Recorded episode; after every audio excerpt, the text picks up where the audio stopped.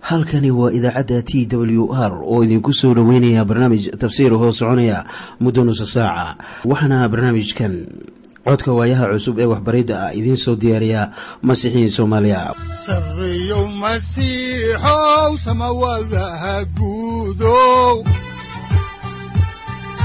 Siraadkii adduunkow subanaha eebow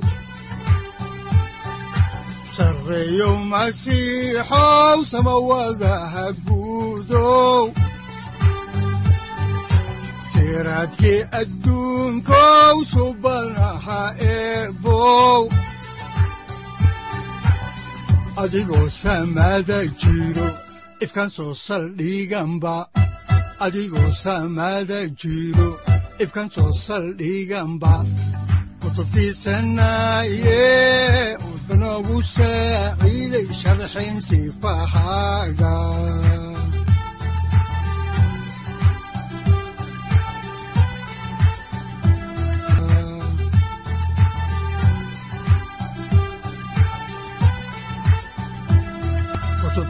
kutubtiisinayo ebanagu saaciid sharxin sifahaaga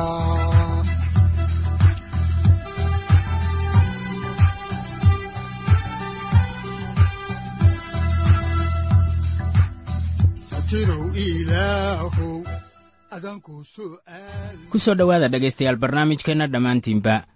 Waxaannu caawa horay u sii wadi doonnaa cutubka afartan iyo labaad oo aynu idinku soo bilownay dersigeennii u dambeeyey. Waxaana mawduucyada cutubkani uu ka kooban yahay kow. Yacquub oo tobankiisii wiil u soo diraya dalkii masar. Labo. Yacquub oo loo soo martiyey. Saddex. Simecoon oo masar lagu xidhay loogana tegey afar sagaalkii wiil oo gurigii aabbahood ku noqday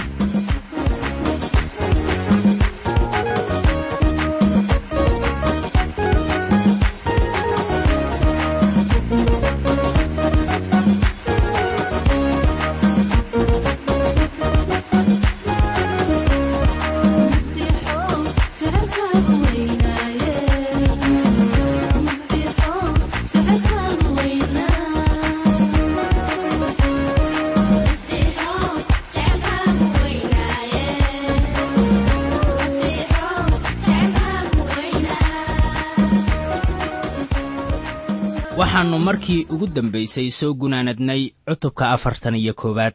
Waxaanan aragnay sidii abaartu ay u soo xumaanaysay.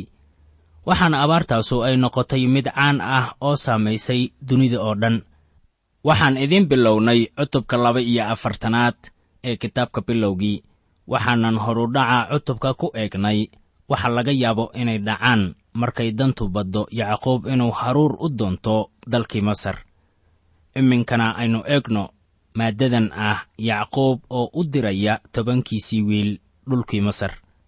Haddaan idiin bilowno aayadda koowaad ee kitaabka bilowgii cutubkiisa laba iyo afartanaad ayaa waxaa qoran haddaba yacquub wuxuu arkay in haruur laga helo masar markaasuu yacquub wiilashiisii ku yidhi war maxaa midkiinba midka kale u fiirinayaa midba midka kale ayuu si murugo leh ku eegayey iyagoon garanaynin waxa ay tahay in la sameeyo iyo halka loo jeesanayo. Aynu horay u sii wadno kitaabka oo aan eegno cutubka laba iyo afartanaad aayadda labaad oo leh oo wuxuu yidhi bal ogaada waxaan maqlay in haruur laga helo masar. Bal xaggaas u dhaadhaca oo halkaas wax inooga soo iibiya inaynu noolaanno oo aynaan dhimanin. Dadka qaar baa odhanaya sidee baan ku rumayn karaa ciise miyaad qiyaasi kartaa yacquub oo hor taagan tobankiisii wiil oo leh? Waxaan maqlay in haruur laga helo masar laakiin sidee baan ku aaminaa taas? Waa hagaag sida lagu rumeeyo waa iyadoo rumaysadkii ficil laga dhigo. Baibalku wuxuu leeyahay rumayso ciise masiix oo waad badbaadaysaa waxay taasu ku qoran tahay falimaha rasuullada cutubka lix iyo tobanaad aayadda kow iyo soddonaad. Haddaan halkii ka sii wadno kitaabka bilowgii ayaa waxaa ku qoran cutubka laba iyo afartanaad aayadaha saddex ilaa afar sida tan. Markaasaa yuusuf tobankiisii walaal waxay u tageen masar inay haruur ka soo iibsadaan. Laakiinse benyamiin oo ahaa yuusuf walaalkiis yacquub ma uu raacinin walaalihiis waayo wuxuu is yidhi waaba intaasoo balaayo ku dhacda kaba soo qaad in balaayo ku dhacdo tobanka wiil ee kale. Maxaa dhici lahaa? Waa hagaag. Midda jirta ayaa waxay tahay inay aad uga waaweynaayeen benyamiin laakiin haddii aad runta doonayso yacquub si weyn u dhaawici mayso xaaladda. Haddii tobankaas wiil balaayo ku dhacdo inkastoo isagu uusan islahayn waxbaa ku dhacaya. Laakiin wuxuu aad u ilaalinayay wiilkan ugu wada yar ee benyamiin ah. Benyamiin iyo yuusuf waa wiilashii raaxeel raaxeelna waxay ahayd naagtii yacquub jeclaa. Haatanna wuxuu dirayaa tobankoodii wuxuuna reebanayaa hal mid oo isaga la joogaya. Aynu halkii ka sii wadno xigashada kitaabka oo aan eegno cutubka laba iyo afartanaad aayadda shanaad oo leh markaasaa wiilashii israa'iil waxay u yimaadeen inay wax iibsadaan iyagoo la socda kuwii yimid waayo abaartu dalkii kancaanna way ka dhacday. Waxaynu haatan soo gaarnay daqiiqaddii ugu yaabka badnayd ee maaddada ah walaalihii oo yuusuf u yimid. Aynu eegno aayadda xigta ee lixaad waxaana qoran sida tan. Yuusufna wuxuu ahaa taliyihii dalka isaguna wuxuu ahaa kii wax ka iibin jiray dadka dalka oo dhan. Markaasay yuusuf walaalihiis u yimaadeen isagii oo intay u wada sujuudeen ayay wejiga dhulka wada saareen. Yuusuf wuu eegayey wuuna ogaa inay imaanayaan dalka masar. Waxaa meel waliba ka imaanayay dad maalintaas waayo abaartu waxay ahayd mid caam ku ah dhulka oo dhan markaana wuu dhowrayey oo bal eeg waxaa halkan yimid tobankii walaalaha ahaa markaasay iyagii oo dhan u wada sujuudeen. Waxaad isweydinaysaa sidii uu yuusuf dareemay ha yeeshee maxay adiga kula tahay oo aad khiyaasi kartaa? Waxaa inta lagu kaamilay dhab ahaantii riyadii yuusuf. Miyaad xusuusataa riyadii uu ku riyooday isagoo wiil yar ah? In xirmadoodii ay u sujuudeen xirmadiisii. Halkan bay taasu haatan ku dhacaysaa waa marka walaalahaani u sujuudeen yuusuf. Walaalihiis oo dhan wejigay dhulka saareen. Haddaan halkii ka sii wadno ayaa waxaa ku qoran cutubka laba iyo afartanaad aayadaha toddoba ilaa siddeed sida tan soo socota. Yuusufna walaalihiis wuu arkay wuuna gartay. Laakiin wuxuu isaga dhigay sidii nin qallaad. Oo intuu si qallafsan ula hadlay ayuu wuxuu ku yidhi iyagii war xaggee baad ka timaadeen oo iyana waxay yidhaahdeen waxaannu ka nimid dalka kancaan si aannu cunto u iibsanno. Yuusufna wuu gartay walaalihiis laakiinse iyagu ma ay garan isagii markii uu indhaha ka qaaday ayuu si qallafsan ula hadlay. Haddaba miyaad garanaysaa wixii uu sidan xun ugula macaamilooday? Jawaabtu waxay noqonaysaa wuu eegayey haddii ay jiraan wax isbeddel ah oo la soo gudboonaaday waxaannu arkaynaa sidii uu u tijaabinayey markaannu horay u sii ambaqaadno qisada.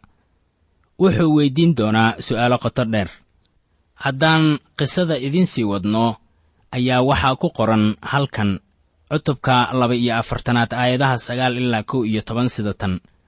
Markaasaa yuusuf xusuustay riyooyinkii iyaga ku saabsanaa oo uu ku riyooday oo wuxuu ku yidhi iyagii basaasyaad tihiin oo waxaad u timaadeen inaad aragtaan dhulka abaarnimadiisa.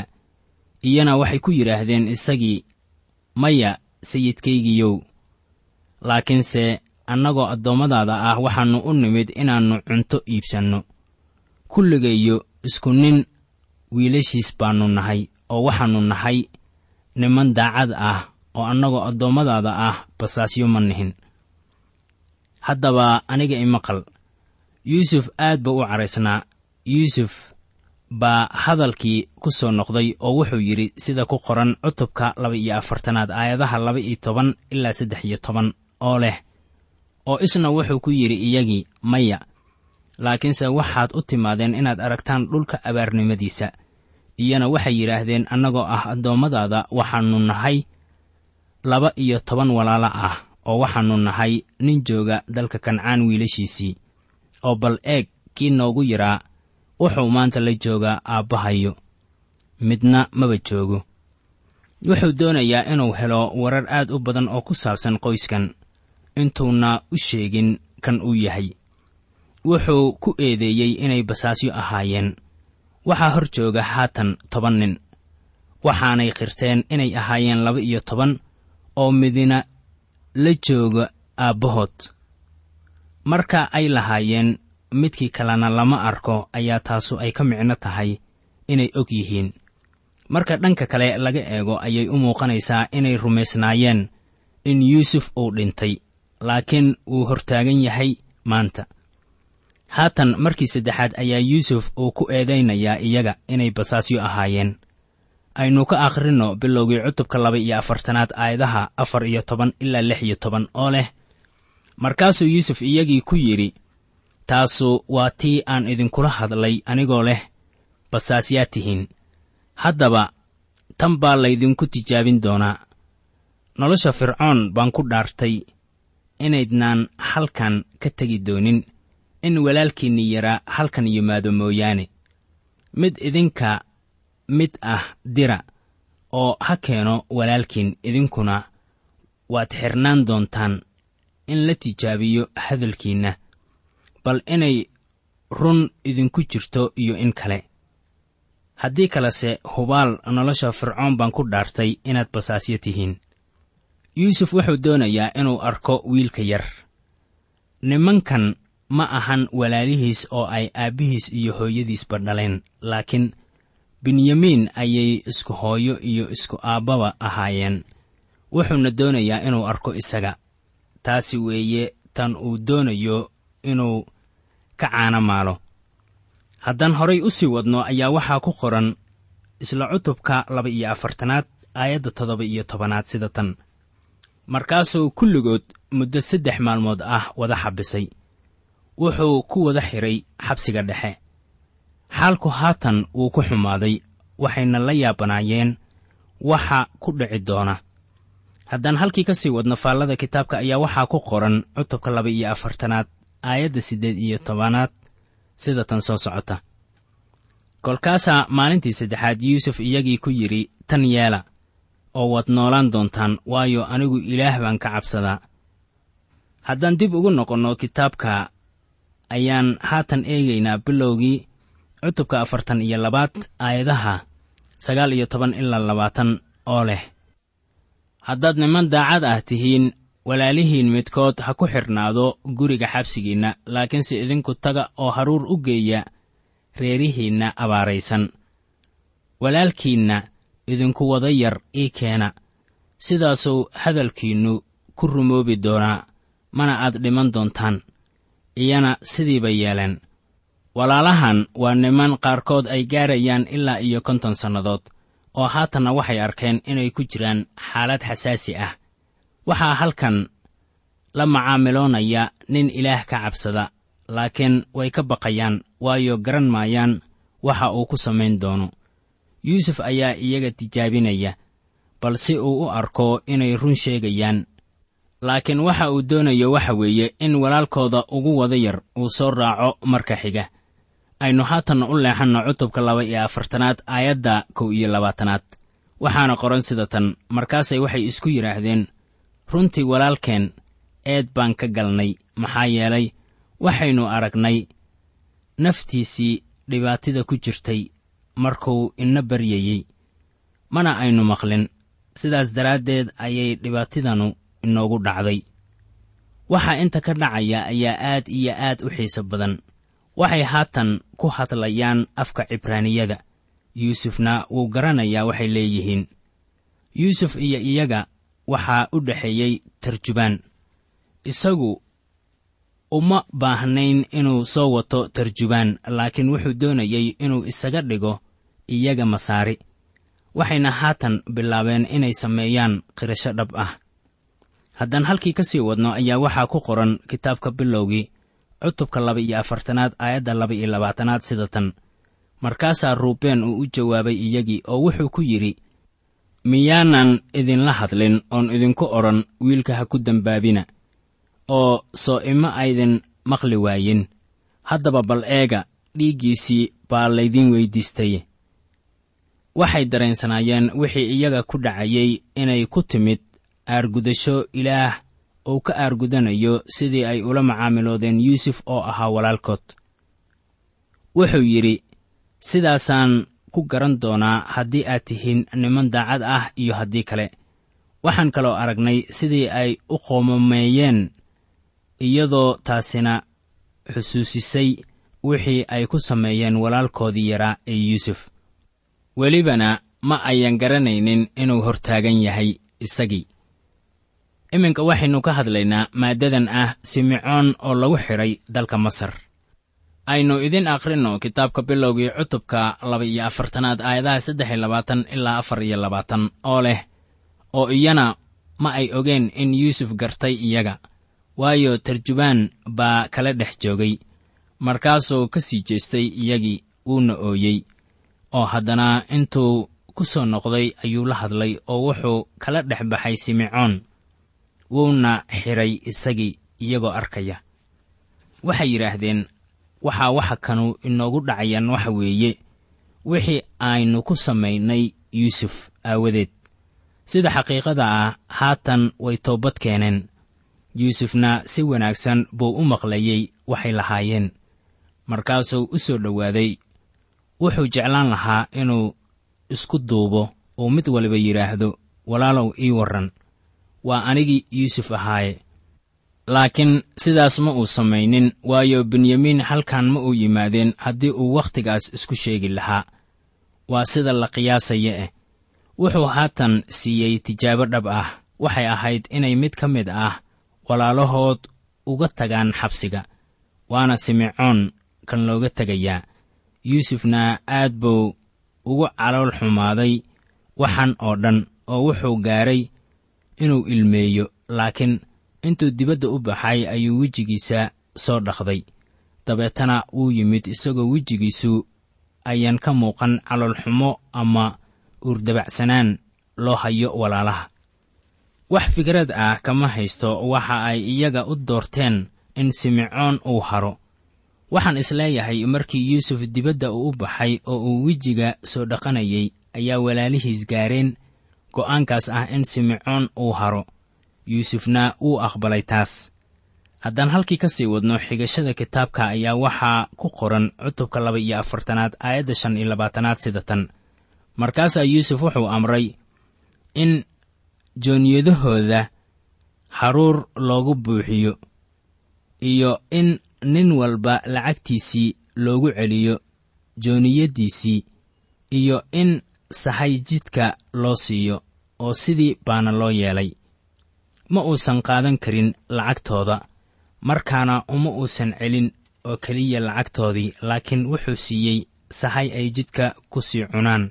Iminka waxaynu ka hadlaynaa walaalihii oo soo gaaray deegaankoodii.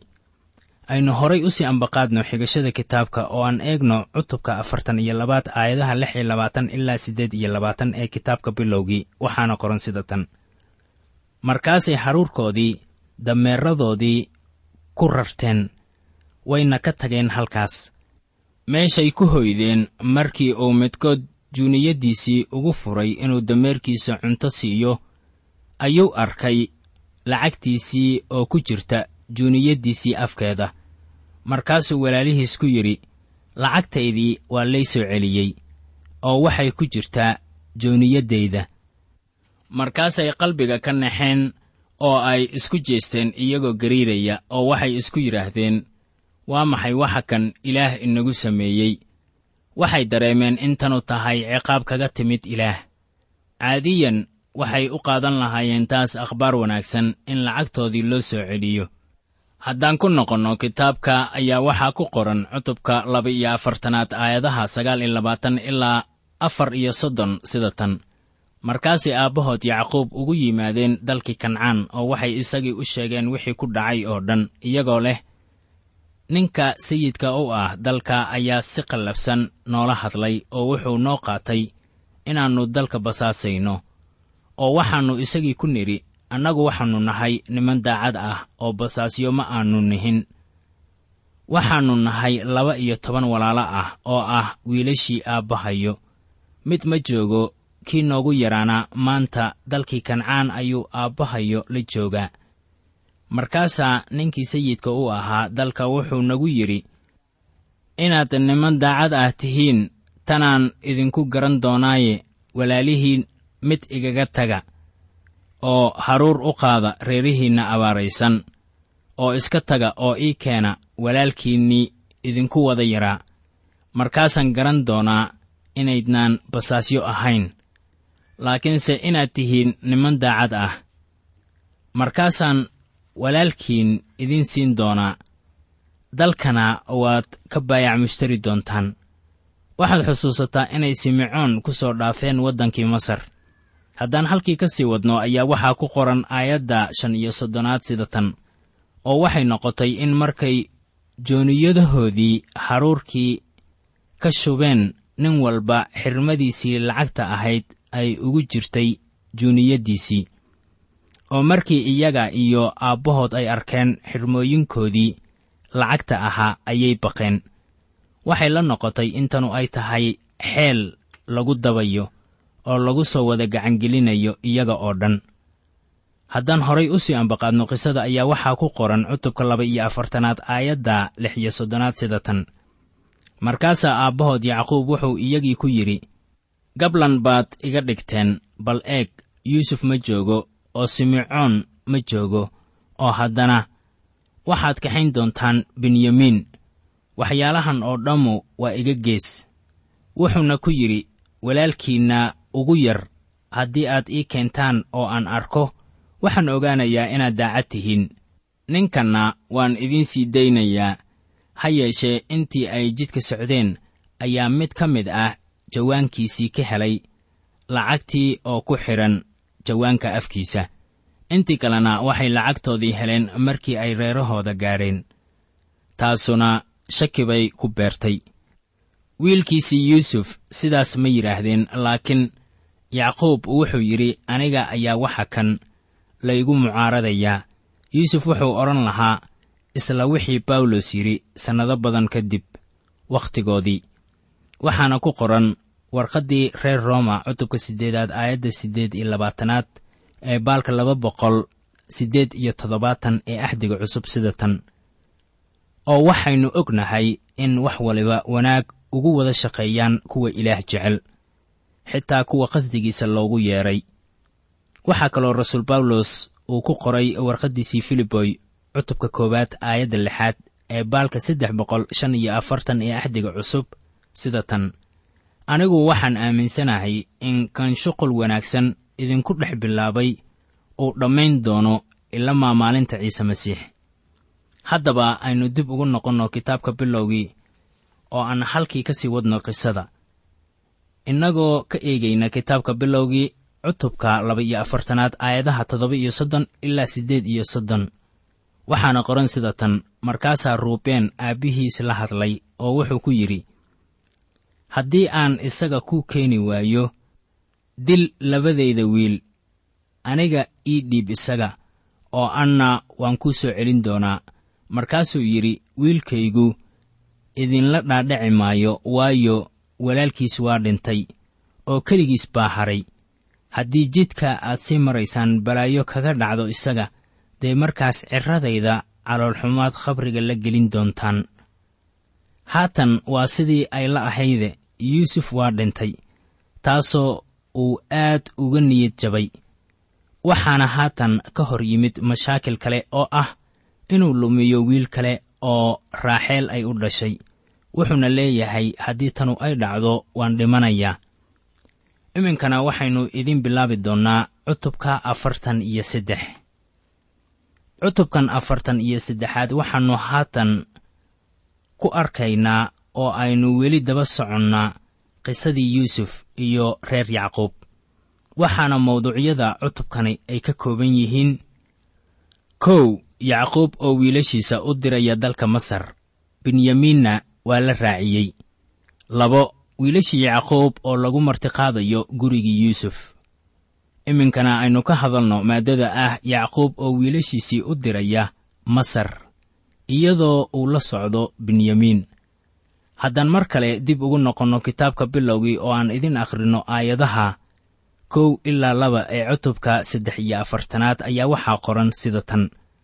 Abaartuna dalka aad bay ugu xumayd oo markii ay wada cuneen haruurkii ay masar ka keeneen ayaa aabbahood ku yidhi bal taga haddana oo cunto yar inoo soo iibiya. Yacquub wuxuu arkay inay dhimanayaan haddii ayan ku laaban dalka masar haddaan halkaa ka sii wadno xigashada kitaabka ayaa waxaa ku qoran aayadaha saddex ilaa shan sida tan. Markaasaa yuhuudda la hadlay isagii oo wuxuu ku yidhi ninkii aad buu noogu digay oo wuxuu nagu yidhi wejigayga ma aad arki doontaan in walaalkiin idinla jiro mooyaane. Haddaad walaalkayo na raacisid waannu dhaadhacaynaa oo cuntaannu kuu soo iibinaynaa. Laakiinse haddaadan isaga dirin annagu dhaadhaci mayno waayo ninkii wuxuu nagu yidhi wejigayga ma aad arki doontaan in walaalkiin idinla jiro mooyaane. Ninka ay sheegayaan waa walaalkood yuusuf laakiin iyagu garan maayaan wuxuu iyaga ula hadlay si caddaan ah. Waanay garanayeen haddaanay keenin walaalkood inayan isaga arki doonin oo si qallafsan loola macaamili doono. Yuhuuddah ayaa si caddaan ah aabbihiis ugu sheegay isagoo leh haddii aynu halkaasi aadayno waa in benyamiin uu nala socdo. Haddaan halkii ka sii wadno xigashada kitaabka ayaa waxaa ku qoran bilowgii cutubka afartan iyo saddexaad aayadaha lix ilaa toddoba sida tan. Markaasaa israa'iil wuxuu yidhi maxaad sida xun igula macaamilooteen oo aad ninka ugu sheegteen inaad walaal kale leedihiin. Markaasay yidhaahdeen ninku wuuna heebsaday annaga iyo xigaalkayaga oo wuxuu yidhi aabbihiin weli ma nool yahay walaal kale ma leedihiin. Oo annana waxaannu ugu jawaabnay wixii uuna weyddiiyey waayo miyaannu sinaba ku garan karnay inuu nagu odhan doono walaalkiinkeena halkani waa t w r idaacadda t w r oo idinku leh ilaa ha idin barakeeyo oo ha idinku anfaco wixii aad caawi ka maqasheen barnaamijka waxaa barnaamijkan oo kalaa maqli doontaan habeen dambe hadahan oo kale haddiise aad doonaysaan in aad fikirkiina ka dhiibataan wixii aad caawi maqasheen ayaad nagala soo xiriiri kartaan som t w r at t w r c o k e dhegaystayaal haddii aad doonaysaan inaad mar kale dhegaysataan barnaamijka fadlan mar kale booqo www t t b o r g ama www t w r o r g halka sare waxaad ku arkaysaa markii aad gasho language ama luuqadda waxaana dooranaysaa soomaali. Haddii aad doonaysaan in aad dejisataan oo kaydsataan barnaamijka ama aad mar kale dhegaysataan fadlan mar kale booqo www t t b t w r o r g ama www t w r o r g haddii aad doonayso in laga kaalmeeyo dhinacyada fahamka kitaabka amase aad u baahan tahay duco fadlan fariimahaaga soo mari bogga aaraahda ama kommentska inana jawaab degdeg ah ayaanu ku soo diri doonaa amase ku siin doonaaye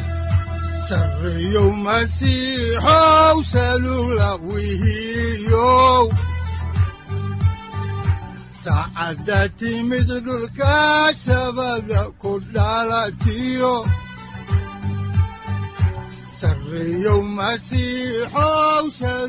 halkani waa t w r oo idiin rajaynaya habeen baraare iyo barwaaqaba leh. Inta aynu ka gaari doono wakhti aynu ku kulanno barnaamij la mida kan caawayay aad maqasheen. Waxa aan idinku leeyahay nabadda ciise masiix ha idinku badato xagga jidhka iyo ruuxaba. Aamiin